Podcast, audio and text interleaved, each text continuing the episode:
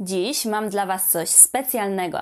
Rozpoczynamy nową serię na kanale. Będą to rozmowy na temat najpopularniejszych miast w Hiszpanii z osobami, które mieszkają w nich na stałe. Dzięki nim dowiecie się, co warto zwiedzić, zobaczyć, kiedy wybieracie się tam na wycieczkę, a nawet gdzie zjeść, żeby poczuć się jak locals. Zaczynamy od chyba najpopularniejszego miasta Hiszpanii, czyli Barcelony.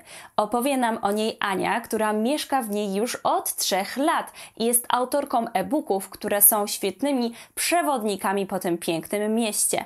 W opisie tego odcinka znajdziecie wszystkie linki, pod którymi możecie znaleźć Anię. W pierwszej części rozmowy Ania opowie nam o tym, kiedy najlepiej odwiedzić Barcelonę, co w niej zobaczyć, jakie miejsca zwiedzić, jak nie dać się okraść i czego warto unikać.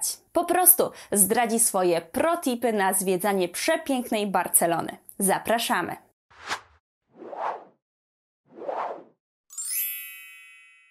Zaczynamy naszą rozmowę z Anią. Aniu, bardzo, bardzo Ci dziękuję za przyjęcie zaproszenia. Super, że jesteś z nami i że chcesz trochę pogadać o Barcelonie, bo jest to no, niewątpliwie punkt na mapie Hiszpanii, który cieszy się niezwykłą popularnością e, wśród Polaków i nie tylko. Więc e, cieszę się, że dzisiaj będziesz mogła nam e, przybliżyć ten temat, ponieważ sama mieszkasz już w Barcelonie trzy lata, prawda?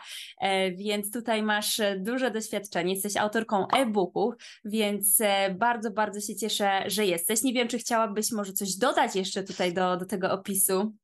No, nie mogłoby być inaczej. Ja jestem zawsze otwarta na rozmowę o Barcelonie i dla mnie to jest temat, o którym można rozmawiać, rozmawiać, rozmawiać, rozmawiać na różne sposoby, także ja jestem zawsze bardzo chętna, bo taki jest też mój cel i taka moja jest misja, żeby propagować um, Barcelonę jako kierunek, jako super destynację od tej właśnie troszeczkę innej też strony. To też staram się różne właśnie punkty tak gdzieś tam obrać. Super, ja jestem fanką Twojego Instagrama, bardzo lubię sobie Dziękuję tam zaglądać. Bardzo, tak, piękne, piękne obrazki, dużo takich ciekawostek, także też zapraszamy. Oczywiście wszystkie linki będą w opisie, ale dzisiaj wypytam Cię o wiele rzeczy, które e, myślę, że interesują każdego, kto myśli o tym, żeby się wybrać do Barcelony. I pytanie numer jeden, które mi się nasuwa, to Twoim zdaniem, kiedy najlepiej wybrać się do Barcelony i dlaczego?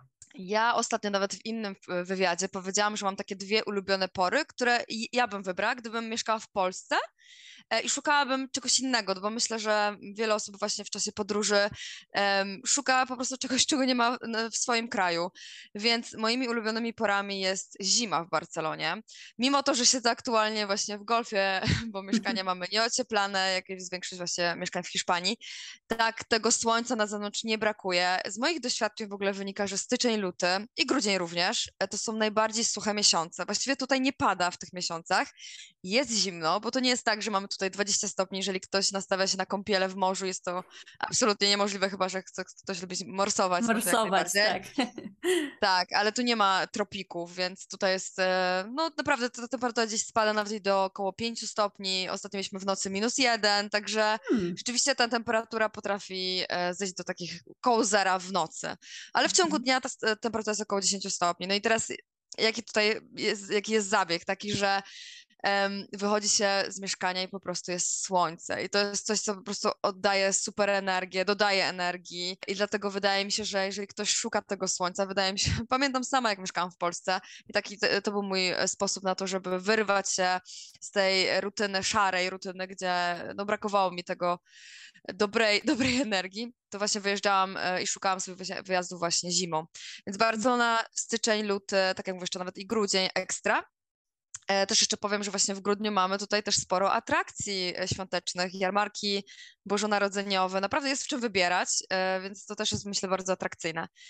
Drugim takim mm, momentem moim ulubionym w Barcelonie jest wrzesień, bo wrzesień tutaj w Barcelonie jest nadal miesiącem letnim, jest bardzo, bardzo ciepło i naprawdę mm, jeszcze wszystkie mm, właściwie, no wiadomo, może być tam jakieś pojedyncze dni, ale z moich doświadczeń wynika, że jeszcze można spokojnie się kąpać, jest jeszcze ciepło, a dodatkowo um, morze jest jeszcze nagrzane po całym lecie, więc to jest, i teraz tak, też dużo pyta osób mnie, jak będzie w maju, w czerwcu, no to też będzie, to będzie gdzieś porównywalny okres do tego września, więc też dni będą długie, będzie piękne słońce, e, temperatura zbliżona, natomiast różnica polega właśnie w temperaturze wody, mhm. bo w maju i w czerwcu będzie ta woda jeszcze bardzo zimna po zimie, a we wrześniu będzie jeszcze nagrzana.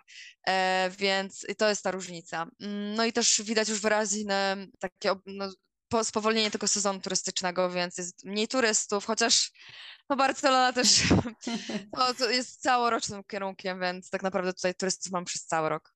Tak, ale zdecydowanie rzeczywiście ten wrzesień, ja sama miałam okazję być, jest taki e, bardzo jeszcze wakacyjny, troszeczkę takie mm -hmm. przedłużenie tych wakacji, Właśnie, ale, tak. ale jednak e, już mniej tych tłumów i rzeczywiście ta woda ciepła. Polecam też e, osobiście, bo fajny miesiąc rzeczywiście.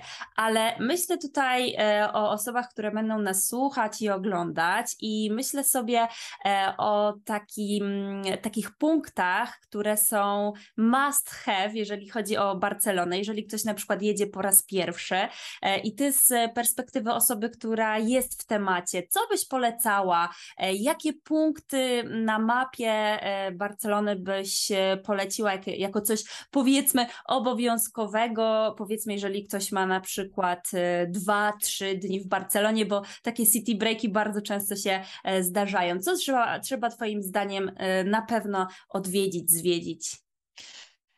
oczywiście to jest bardzo trudne pytanie, bo um, ja też jestem taką osobą, która lubi szukać e, różnych ciekawych miejsc, także im bardziej się zagłębiam w temat, tym jeszcze bardziej ciężko jest na to wszystko odpowiedzieć. Natomiast oczywiście e, są takie obowiązkowe miejsca, jak na przykład Sagrada Familia i myślę, że od razu te miejsca wyskoczą komukolwiek, kto po prostu zaczyna szukać informacji o Barcelonie. Mhm. E, na pewno takim miejscem jest sama plaża, sam ten e, właśnie tutaj śródziemnomorski nasz klimat, e, oczywiście stare miasto, tak jak e, dzielnica gotycka, no to jest jest e, absolutny must see. Natomiast jeżeli mogę powiedzieć coś, co ja bym na przykład odradzała i to jest coś, e, co, stereotyp, który krąży i to są legendy, a naprawdę to jest ciężki temat, to jest ulica La Rambla. Wszyscy mm -hmm. kojarzą, kojarzą e, Barcelonę z La Ramblą, a tam naprawdę ciężko znaleźć coś ciekawego, jeżeli się jest pierwszy raz. To znaczy, tam jest naprawdę dużo ciekawych rzeczy, zabytków i tak dalej, ale jest tam wszystko tak um, nawarstwione tym turystycznym, tym zgiełkiem, że niestety jest to, no dla mnie, ja osobiście uciekam z tej ulicy, dla mnie nie ma tam nic um, ciekawego, więc też um, gdzieś tam zachęcam do tego swoich obserwatorów, żeby szukać po prostu czegoś e, w innych trochę stronach. Ja też uwielbiam na przykład wzgórze Montjuic. To jest też, to jest jedno z tych miejsc, które jest tak traktowane po macoszemu e, jak, względem właśnie turystów. Właśnie sobie pytają, a, że to, to na to wzgórze do Montjuic, jak tam dojechać? A tak naprawdę to wzgórze Montjuic jest, zajmuje bardzo duży teren, więc pytanie właśnie, gdzie chcecie dojechać? Chcecie pojechać tu, chcecie pojechać tam? E, chcecie zobaczyć Muzeum Katalońskie, czy chcecie zobaczyć Park Kaktusów, ogród botaniczny? E, naprawdę jest tych miejsc dużo. Także mhm. no to byłoby takie miejsce, które bym gdzieś na tej liście umiejscowiła. Poleciła. E, a oprócz tego, o czym e, powiedziałaś, czy masz jeszcze jakąś taką perełkę, e, do której być może turyści nie zawsze zaglądają, a którą mogłabyś tutaj naszym widzom, słuchaczom zdradzić? Jest coś takiego? No ja na przykład uwielbiam dzielnicę San Antoni. Ostatnio mieliśmy tutaj e, Fiesta Major de San Antoni, właśnie taką um, imprezę dzielnicy, można to tak po prostu nazwać. Ona akurat się odbywa w styczniu e, z okazji właśnie Dnia Świętego Antoniego. To jest ciekawe, bo ta dzielnica jest położona dosłownie 8-10 minut od tej najbardziej popularnej właśnie ulicy La Rambla, czyli po prostu sam środek centrum, a jest totalnie ignorowana przez turystów. I jeżeli ktoś właśnie chce zobaczyć, jak wygląda takie barcelońskie życie w centrum miasta nadal, tak, bo to jest jednak cały czas centrum miasta, to naprawdę bardzo, bardzo zachęcam, żeby się tam wybrać. Jest tam przepiękny market, jeden z najstarszych marketów e, w mieście, odrestaurowany właśnie tuż przed moją przeprowadzką, on został odrestaurowany, to też ciekawa historia, bo ja tam znalazłam pokój e, na początku swojej przeprowadzki e, i właśnie ja sama nie znałam tej dzielnicy zbyt dobrze, dobrze, ale właśnie lokalizacja ona mi pasowała. No i zaczęłam się nią interesować. E, no i zobaczyłam oczywiście zaraz ten piękny market i w ogóle wcześniej nie kojarzyłam, a przyjeżdżałam do, do Barcelony wiele razy i okazało się, że on był przez 8 lat w remoncie. Mm. Więc nie miałam go jak zobaczyć, bo mm, przed tym re rozpoczęciem remontu nie byłam w Barcelonie, więc nigdy go nie widziałam wcześniej. I pamiętam, że opowiadałam swoim właśnie kolegom w pracy, że o, mieszkam przy tym pięknym markecie. Oni pytali, ale jakim markecie? Ja mówię, no przy Santonie. A oni skończyli już ten remont. Ja mówię, no, no, nie wiem jaki remont, ale no jest piękny market. No I okazało się, że właśnie dosłownie kilka tygodni wcześniej e, zakończono ten remont. I, i to jest super miejsce i takie bardzo e, lokalne. Także mhm. polecam. Super, super, dzięki. Na pewno też e, zwrócę uwagę, kiedy będę gdzieś tam w okolicy, ale kiedy myślimy w ogóle o Barcelonie, to e, i, i na przykład mamy na zwiedzanie trzy dni, załóżmy, e, to wydaje nam się, że dosyć ciężko nam to wszystko będzie ogarnąć. Mam tutaj na myśli jakby względy takie transportowe. Co byś mogła polecić, jeżeli chodzi właśnie o poruszanie się po mieście? Lepiej jednak skupić się się na, na przykład na centrum i zwiedzać pieszo? Czy to w ogóle jest możliwe? E, jakie środki transportu byś nam tutaj poleciła? Ogólnie Barcelona, taka ciekawostka jest, uwaga, trzy razy mniejsza od Krakowa. Naprawdę? Jeżeli chodzi o sama, samą powierzchnię, tak. Jeżeli się nie mylę, Kraków ma około 300 e, km e, kwadratowych, a Barcelona około 100. Oh, wow. Także to, to daje też obraz tego, że miasto naprawdę nie jest takie duże. Mm -hmm. Oczywiście też Barcelona jest, no to, to może te odległości czasem się wydają być e, większe niż rzeczywiście są, ale tak nie jest. Dodatkowo Barcelona jest naprawdę świetnie skomunikowana i to turyści już jak wracają z Barcelony, e, piszą mi w komentarzach, że byli, że byli zaskoczeni, że właśnie metro tak świetnie działa, a jest już bardzo tanie. Znaczy myślę, że po prostu na, na te ceny, jakie są w Europie, w innych miastach dużo europejskich, no bo jednak mówimy o dużym mieście e, w Europie, to jesteśmy naprawdę, myślę, bardzo konkurencyjni, bo na ten moment na przykład jest taki karnet, który ja też zawsze polecam, jeżeli nie wiemy, ile będziemy dokładnie jeździć i tak dalej, to jest um, taki karnet, który myślę, że się sprawdzi i zawsze można go dokupić, to się nadal będzie opłacać.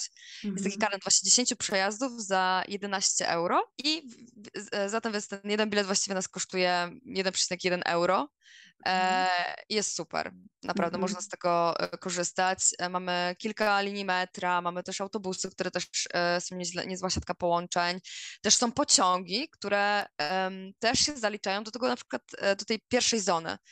I mamy tu na przykład takie miejscowości jak Badalona czy Castel de Fels, które nie są aż tak blisko. Znaczy Badalona jest bliżej, ale Castel de Fels już około 20 kilometrów to nadal możemy dojechać na tym bilecie. Także to jest niesamowite. Tak, tak, to jest naprawdę super, bardzo też wspierające nas jako mieszkańców. Teraz na przykład jeszcze tak e, tutaj powiem, że e, mamy obniżkę cen biletów. Już od kilku miesięcy właśnie rząd hiszpański pomaga w walce właśnie z inflacją, z tym wszystkim, co się dzieje mm, w Europie i dokłada właśnie do biletów. I teraz bilet miesięczny w Barcelonie, z którego sama korzystam, zamiast kosztować 40 euro, co uważam, że i tak nie jest złą ceną, kosztuje teraz 20 na miesiąc. No to rzeczywiście także duża obniżka. Naprawdę super, super obniżka, także komunikacyjnie, o, to też może jeszcze powiem, co ja odradzam, bo to też czasem się pojawia tak. w pytaniach mhm. i to jest, że tak, no wiadomo, czasem może komuś się to sprawdzić, każdy ma z nas inne potrzeby, ale ja myślę jednak, że to jest bardzo duży problem, a mianowicie wynajęcie samochodu, mhm. bo dużo turystów myśli właśnie, że... Mm, wynajmie samochód właśnie lądując na lotnisku w Barcelonie i później będą gdzieś tam e, po kolei te punkty sobie odhaczać, no to jest po prostu samo utrudnienie, ponieważ w Barcelonie nie ma tak naprawdę darmowych parkingów. E, są jakieś poszczególne miejsca, ale szczerze, no naprawdę to, nie, to trzeba po prostu już znać i to nie jest takie proste. E, więc też wszystkie parkingi trzeba osobno płacić, a te parkingi są też drogie. E, potrafią tak. kosztować 25 euro za dzień, więc tak naprawdę tylko nam się ta cena bardziej po prostu rozbudowuje. Poza tym też nie zawsze są e, miejsca. E, to jest też właśnie problem z parkowaniem, to są wąskie parkingi. E, jest inny styl jazdy, także naprawdę to jest tylko problem. Nawet wczoraj pytałam jedną obserwatorkę, bo też na przykład mają e, małe dziecko i myśleli, że to będzie ułatwienie. Ja uważam, że to jest tylko utrudnienie. Mm, tak, zdecydowanie. Ja też się kiedyś wybrałam. Chyba to był Tak? pierwszy raz. E, nie, nie pierwszy raz w Barcelonie, drugi raz w Barcelonie, ale mieliśmy takiego A. tripa z Barcelony do Malagi i już w Barcelonie wynajęliśmy sobie samochód, mimo że byliśmy jakby e, w samej Barcelonie kilka dni i to była masakra, bo naprawdę po pierwsze bardzo długo szukaliśmy, po drugie Dokładnie. potem okazało się, że po prostu ten parking był drogi, gdzieś tam w podziemiu totalnie, ciężko Tak, było tak, tam tak. wjechać. Dokładnie. E, bardzo stromo. Pamiętam, że ja byłam przerażona, jak e, tam mieliśmy Tak, wyjechać tak, i tak. chyba, chyba nawet ten pan parkingowy nam pomagał, w ogóle wsiadał w ten samochód i wyjeżdżał, bo rzeczywiście to było wyzwanie. Także rzeczywiście lepiej to dwa razy przemyśleć, czy, czy, to, czy to ma sens i czy na przykład nie, nie przedroży. A jeżeli mówimy w ogóle o cenach e, i jeszcze bym troszeczkę wróciła do tego zwiedzania, e, czy są jakieś Albo inaczej, czy większość tych zabytków, y, powiedzmy must have, które, nie wiem, znajdziemy gdzieś w internecie, y, na, na, na blogach, czy gdzieś w przewodnikach, Mhm. czy one są y, płatne, czy one są darmowe? Jak tutaj cenowo się rozkładają takie wejściówki na przykład? Ogólnie muszę powiedzieć, że Barcelona trochę zmierza do takiego trendu kierunków e, luksusowych. Mhm. E, I to się już zaczyna od e, samych noclegów. Ja ostatnio też przygotowałam taką obszerną relację, też zachęcam. Przejrzeć też mój profil, bo tam jest po prostu mnóstwo, mnóstwo informacji i ja to też robię w takim kierunku, żeby te same pytania się po prostu nie powielały, bo można znaleźć już po prostu informacje na ten temat. I właśnie niestety em, ceny hoteli e, już po prostu trochę nas ograniczają, bo potrafią kosztować naprawdę bardzo przeciętne hotele, dwu, trzygwiazdkowe, około nawet i 200 euro za dobę w sezonie, w szczycie, na przykład lipiec i sierpień. Tak. Em, jeżeli chodzi o atrakcje, to ceny atrakcji się nie zmieniają. W zależności od sezonu zawsze kosztują tyle samo. Em, Mhm. No i też takie atrakcje właśnie najbardziej znane jak domy Gaudiego, tak? Chociaż tu też trzeba em, zaznaczyć, co to znaczy domy Gaudiego, bo Gaudi tak naprawdę stworzył wiele, wiele prac. Oczywiście em, marketing zrobił swoje i znamy mm, te dwie, prawdopodobnie nam się będą kojarzyć, te naj- dwie najbardziej popularne prace, czy właśnie Casa Mila, Casa Batio. I te wejściówki są zawsze płatne. Zaraz jeszcze powiem, dlaczego mówię zawsze płatne, ale mm, tak, i nie są tanie. E, Z tego co pamiętam, Casa Mila jest troszeczkę tańsza, kosztuje chyba około 28 euro za osobę. Mhm. Natomiast Casa Batio kosztuje już chyba teraz minimum 35 euro. Są też tam różne pakiety. em, także naprawdę to nie jest mały koszt. Em, I teraz jeszcze właśnie ten, e, ta najważniejsza atrakcja, czyli Sagrada Familia, teraz kosztuje około chyba też 28 euro. Więc Mhm. jeżeli ja miałabym coś doradzić, to rzeczywiście Sagrada Familia to jest coś, co bardzo polecam. Jeżeli Żeby miałabym wejść wybrać... do środka, tak, tak, tak? tak. Mhm. Jeżeli miałabym wybrać jedną płatną taką atrakcję, to bym wybrała właśnie Sagradę e, Familia. Teraz też e, widziałam, że można wejść na wieżę Sagrady Familii. Ja jeszcze sama nie Mm. byłam, ale bilet nie jest dużo droższy, bo chyba kosztuje 8 euro, więc jest około 36 euro. A nawet może Mhm. i nie, może to nawet jest mniejsza kwota, ale widok musi być na pewno spektakularny, bo wychodzimy już na naprawdę wysoki poziom. I to jest też ważne, że Sagrada, mm, bo Sagrada z zewnątrz y, kreuje już nam pewną wizję, jak to będzie wyglądać w środku, że to będzie może jakiś kościół gotycki, już, pe- już mamy pewne wyobrażenie, prawda? Natomiast Tak. wchodząc do Sagrady, to się w ogóle wszystko e, zmienia, bo w środek wygląda zupełnie inaczej, jest zupełnie w innym stylu niż ten, to, co widzimy na zewnątrz i naprawdę robi to wrażenie, więc ja bym, Mhm. ja bym się na tym skupiła. Też, Mhm. e, co polecam, e, na ten moment mamy w Sagradzie Familii audio e, przewodnika w języku polskim. Także Mhm. to jest super opcja. Po prostu e, ściągamy sobie aplikację Sagrady Familii, e, mamy słuchawki swoje osobiste z telefonem i po prostu sobie podchodzimy do e, różnych punktów i słuchamy, co właśnie chce nam powiedzieć autor i to jest bardzo fajne, bo rzeczywiście wchodząc tam, nie znając całej historii, no bo oczywiście wiadomo, że nie może nie każdy się tak interesuje, to ciężko zobaczyć te wszystkie elementy, no to, a w tej aplikacji właśnie to jest super, że pokazują nam, na czym mamy się skupić, o co chodziło w tej symbolice, t- czym Gaudi się inspirował, e, różne, różne ciekawe rzeczy, także bardzo polecam. A jeszcze powiem Mhm. a propos tych domów Gaudiego, bo ja rozumiem to, że każdy ma swój budżet i jakby te wszystkie wejściówki razem wziąć do, e, razem, no to naprawdę robi się z tego duża kwota. I ja em, oczywiście są piękne te dwa domy Gaudiego, o których już mówiłam, to jest na, mieszczą się na tej najbardziej em, luksusowej em, ulicy e, Barcelony, Passeig de Gracia. Natomiast są też inne alternatywne mm, zabytki i właśnie chcę wspomnieć o mm, takim miejscu jak Pałac e, Güell, To jest jedna z pierwszych prac Gaudiego. Ona znajduje się w ogóle tuż obok samej Rambli, dosłownie 100 metrów, myślę, że to jest maks. Dom jest rzeczywiście w innym stylu niż te pozostałe e, dwa domy. On jest bardziej taki surowy, bardziej taki mroczny, ale już widać ten styl, e, który się kształtował e, Gaudiemu. I co ciekawe, do tego domu można wejść za darmo. Um, co prawda nie codziennie, ani nawet i raz w tygodniu. To jest możliwe, jeżeli się nie mylę, teraz raz w miesiącu. Na stronie właśnie pałacu można sobie sam sprawdzić, kiedy są te darmowe dni.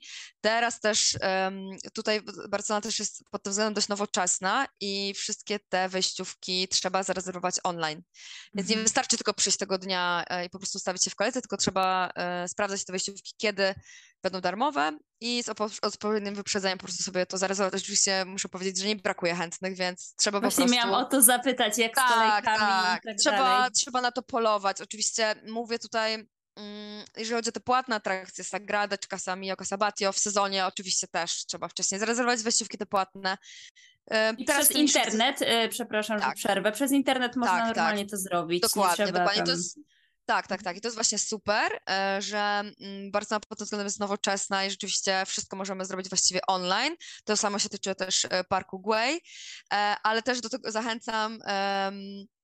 To jest na przykład jedna z rzeczy, o, którą, o której mi bardzo zależało w moich tych autorskich przewodnikach, że w tych wszystkich atrakcjach jest podpięta oficjalna strona tych atrakcji, ponieważ nie brakuje tutaj pośredników, którzy po prostu biorą kilka euro więcej za to, że po prostu sprzedali nam bilet, więc też często mm -hmm. słyszę od turystów, że o, Parkway zdrożał, nie kosztuje, bo kosztuje 10 euro, kosztuje teraz 14, a ja patrzę, wchodzę na stronę Parkway, no nie, ciągle 10 euro i wtedy już wiem, że po prostu kupili od pośrednika um, ten bilet, e, no i to jest ten sam bilet, tak, więc, mm -hmm. e, mhm. ale rozumiem, że reklamy, Google, Google też podpowiada wiele tych pośredników, więc też można po prostu przepłacić, zwłaszcza jak jesteśmy większej grupy, no to tak naprawdę mm.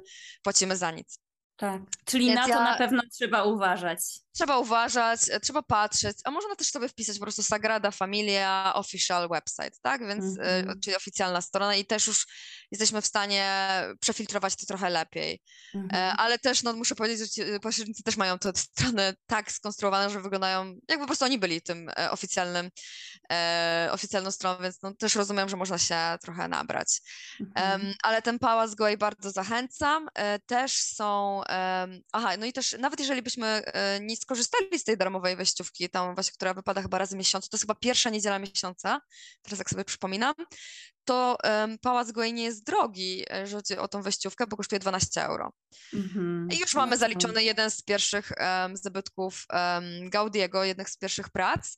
No a porównując to do kasy Mili czy kasy Batio, która kosztuje 28 albo 35 euro, no to robi się, y, no jest Spora duża różnica. różnica. Tak. I na przykład wtedy możemy też wejść już do Parku Guay, który kosztuje 10 euro i już za 22 euro mamy odhaczone dwa super zabytki i właśnie nawet bym powiedziała, że coś um, to może być bardziej atrakcyjnego, no bo ktoś, mm. kto był w Barcelonie oglądał te sztampowe, a my byliśmy w czymś po prostu mniej popularnym. Tak, w czymś oryginalnym. A czy ławeczka w parku Güell jest już wyremontowana? Bo ja byłam e, trzy razy w Barcelonie i na dwa razy była w remoncie i strasznie ubolewałam. Powiem szczerze, oni cały czas coś e, tam pracują, więc ja też nie mam pewności, gwarancji, że powiem, że nie ma remontu. E, co prawda nie widziałam, żeby coś tam się teraz działo, ale ale nie wiem, bo te prace są różne, na przykład też z takich um, atrakcji darmowych, chodzi, mam tutaj na myśli o pokazy fontan. Mm -hmm. To jest mhm. coś, co też um, w ogóle było z, um, unieruchomione przez okres chyba półtora roku albo nawet i dwóch lat od czasu, jakby zaczęła się pandemia.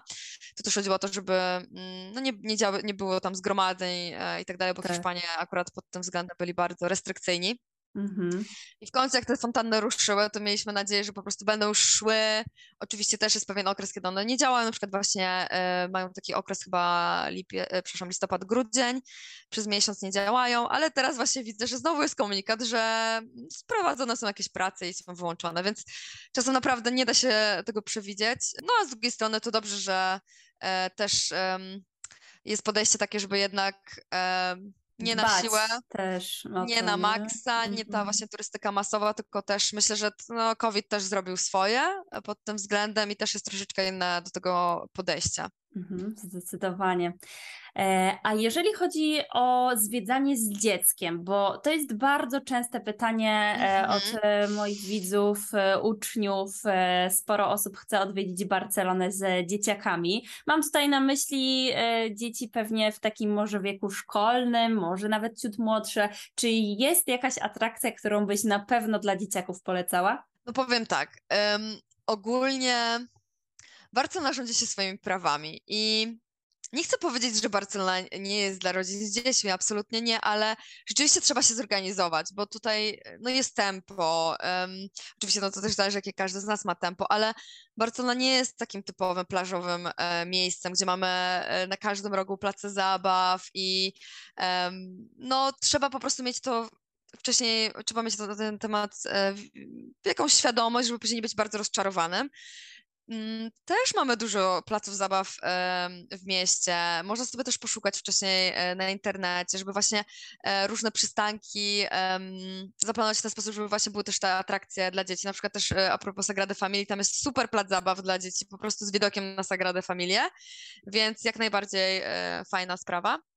Jeżeli chodzi o takie atrakcje bardziej powiedzmy zorganizowane, to jest takie miejsce mm, Poble Espanyol, Mhm. To jest um, miejsce stworzone z myślą, żeby um, pokazać, jak wyglądają różne części Hiszpanii. Wchodzi się do takiego kompleksu e, i są po prostu pomniejszone, czy może to nie jest park miniatur, to, to są po prostu jakby wyrwane i zaprojektowane różne części właśnie Hiszpanii w tych poszczególnych mm. miejscach.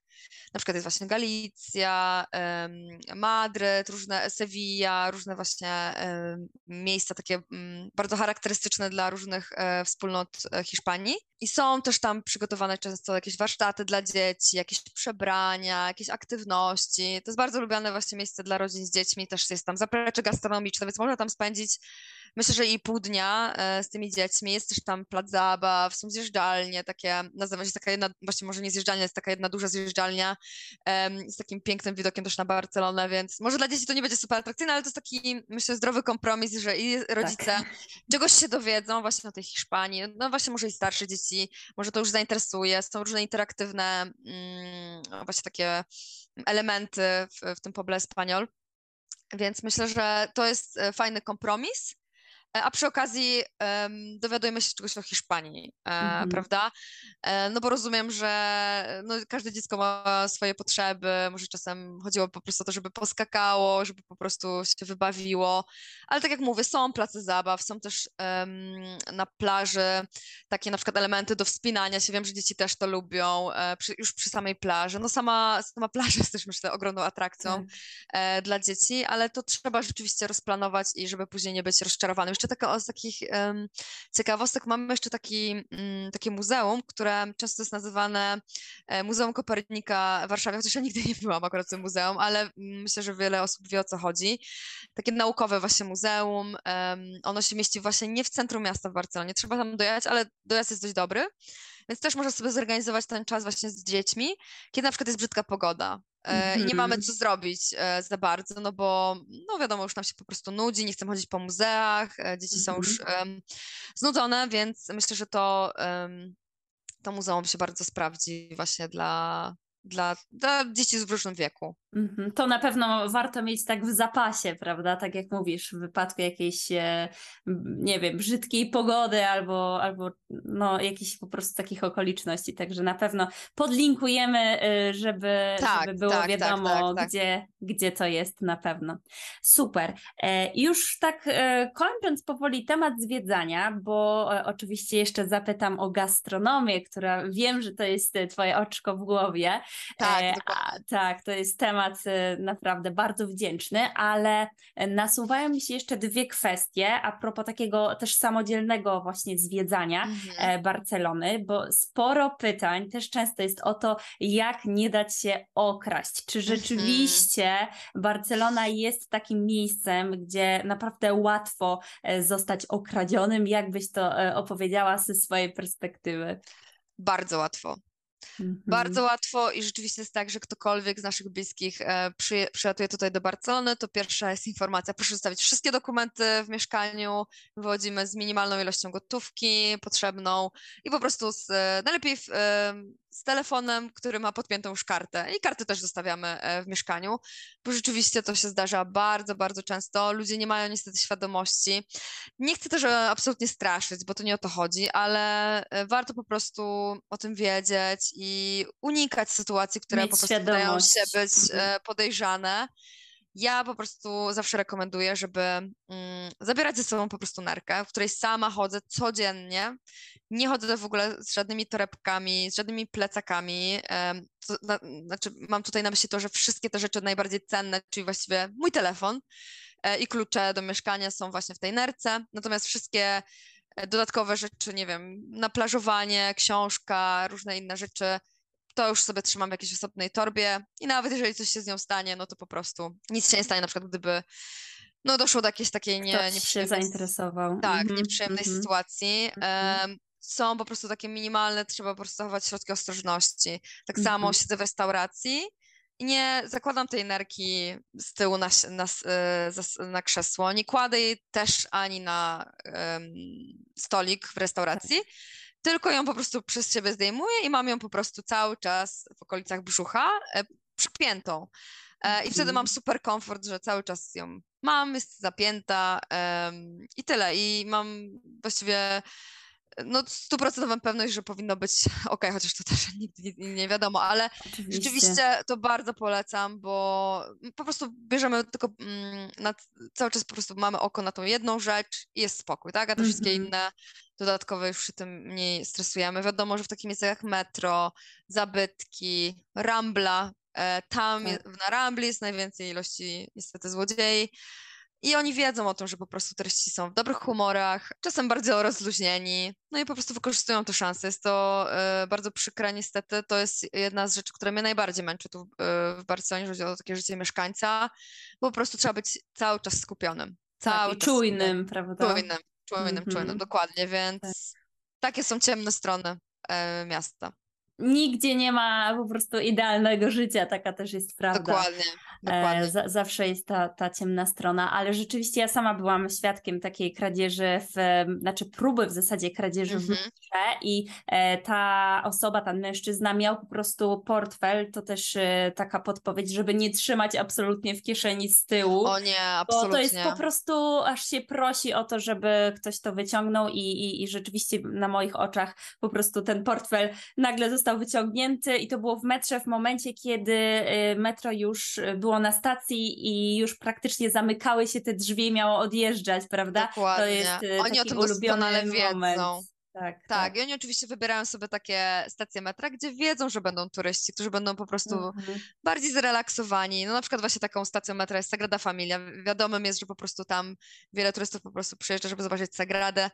No i to jest ten moment, kiedy tak. no niestety mo może dojść do takich sytuacji. Tak. To, co mi się jeszcze nasuwa, to e, bardzo ciekawa rzecz, którą znam z Hiszpanii właśnie e, mhm. i, i potwierdzisz lub nie, ale Hiszpanie e, bardzo lubią nosić e, takie specjalne e, futerały mhm. na szyi, prawda, do telefonów i ja nie widziałam tego w Polsce. Dosłownie tak jakby się kiedyś się nosiło klucze na, mhm. na takiej smyczy, to są takie specjalne właśnie etui do telefonu i wtedy telefon się trzyma zawieszony no i teoretycznie też się ma go tutaj gdzieś blisko, albo nawet w kieszeni, ale jeżeli ktoś będzie próbował nam wyciągnąć z kieszeni, no to ten telefon e, mimo wszystko będzie przy nas.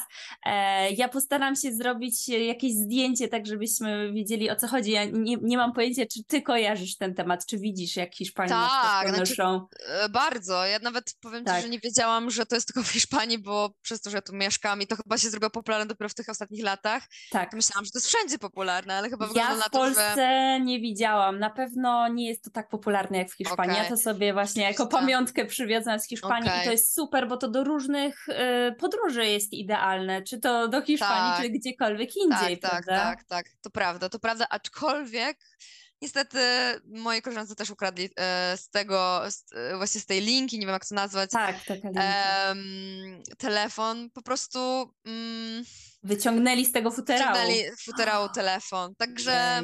też, też trzeba, uważać. Trzeba Mhm. uważać, no też, e, no, nie, mamy stuprocentowej pewności. Trzeba po prostu mieć Nigdy. oczy dookoła głowy i, Tak, e, tak, tak. i będzie okej. Ale też chciałabym powiedzieć, bo mm, przez te właśnie sytuacje z kradzieżami dużo osób pyta, czy Barcelona w takim razie jest bezpieczna, czy ja się tu bezpiecznie czuję.